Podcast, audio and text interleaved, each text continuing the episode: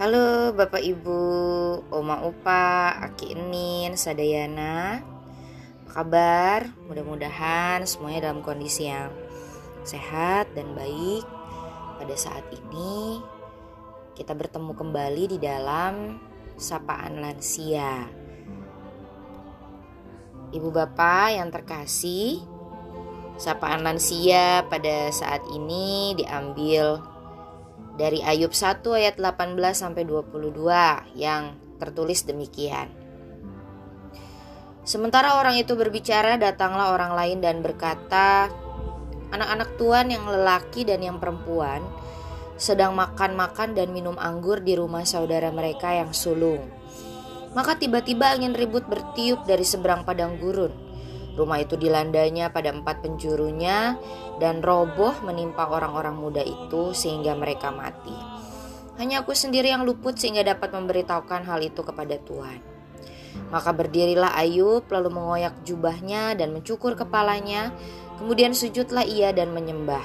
Katanya, dengan telanjang aku keluar dari kandungan ibuku.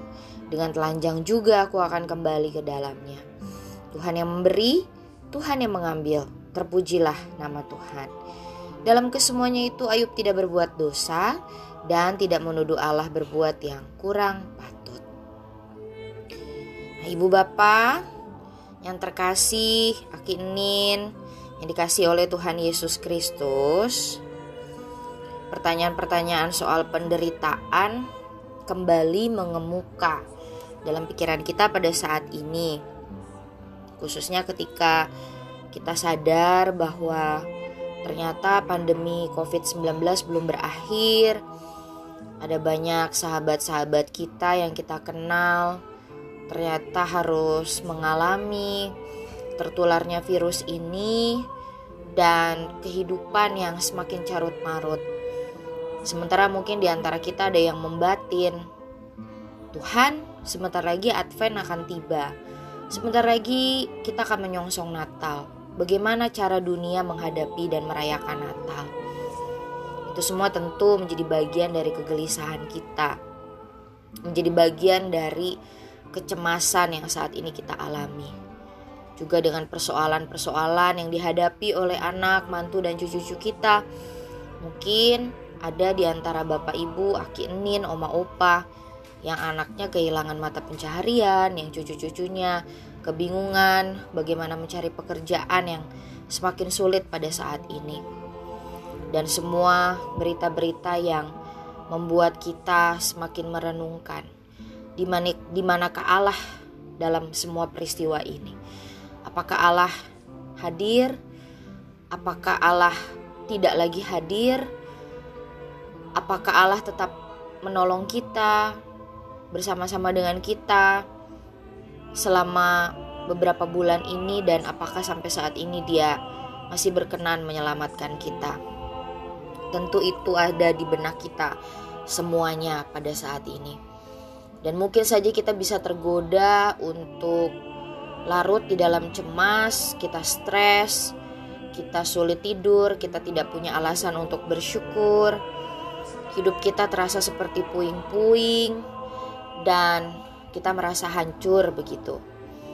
Tetapi Bapak Ibu Saudara kinin yang dikasihi oleh Tuhan, kita boleh tetap berpasrah dan berserah sekalipun badai hidup itu datang tak terduga dan menyebabkan kekacauan di dalam kehidupan kita. Nah, bagaimana kunci supaya kita bisa tetap bertahan di dalam badai kehidupan pada saat ini.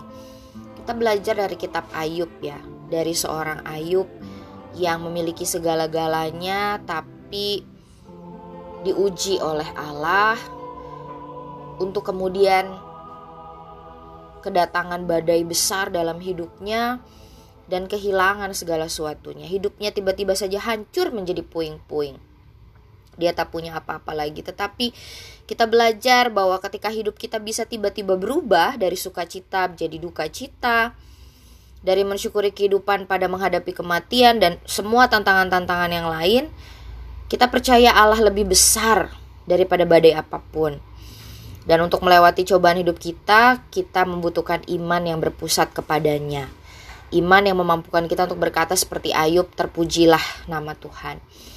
Ibu saya selalu berkata, kalau orang dalam kondisi yang sukses, yang mendapatkan banyak rejeki, begitu, lalu kemudian berkelebihan, dalam kondisi untung, dia bersyukur itu biasa.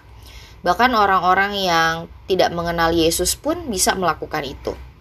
Tetapi kalau kita dalam kondisi yang sulit, dalam kondisi yang sulit untuk berbagi, tapi kita masih tetap mau berbagi, bermurah hati, berbuat baik, lalu kemudian kita masih bisa tetap berdoa dalam kondisi yang sedih, susah, di situlah iman kita sebagai orang Kristen nyata. Di situlah kita bisa membuktikan kemurnian dan kedewasaan kita. Jadi tetap kuat ya Bapak Ibu, Oma Opa, Aki Nin Tetap fokus kepada Tuhan Apa pun caranya Tetap arahkan mata batin kita, mata rohani kita tertuju kepada Allah yang baik Allah yang memberi kehidupan, Allah yang menyelamatkan eh, saya tahu semua tenaga kesehatan di rumah sakit stres pada saat ini ya karena pandemi tidak selesai-selesai bahkan menurut informasi hampir seluruh rumah sakit di Jawa 100% terisi dengan pasien COVID. Rasanya mereka pasti lelah sekali.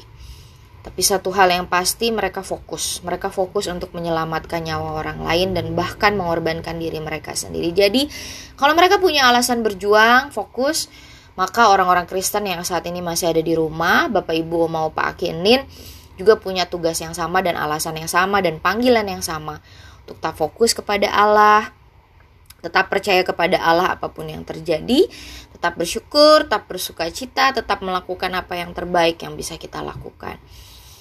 Ada banyak lansia yang pergi selama beberapa minggu ini. Ada Pak Edi Sianipar, ada Pak Warnata, ada Pendeta Emeritus Sri Harpini Wibanu yang juga sudah berusia lanjut. Dan uh, tadi pagi saya baru memakamkan seorang warga lansia Bapak Kasman di Cinunuk. Semuanya lansia begitu. Uh, mereka dipanggil oleh Allah, dipanggil pulang ke rumah Bapak di surga dalam kondisi yang khusus pada saat ini dan kehidupan mereka mengingatkan mau itu tua, mau itu muda, kita harus siap kapan pun Tuhan panggil. Tetapi selama kita masih diberikan umur yang panjang dan besok kita bisa bangun dengan tubuh yang sehat, kita masih punya tugas dan tanggung jawab dalam dunia ini untuk menyatakan kasih dan kebaikan Tuhan. Jadi tetaplah bersuka cita dan bersemangat ya Bapak Ibu. Tuhan Yesus memberkati kita. Mari kita berdoa. Terima kasih Allah untuk penyertaan-Mu dalam hidup kami.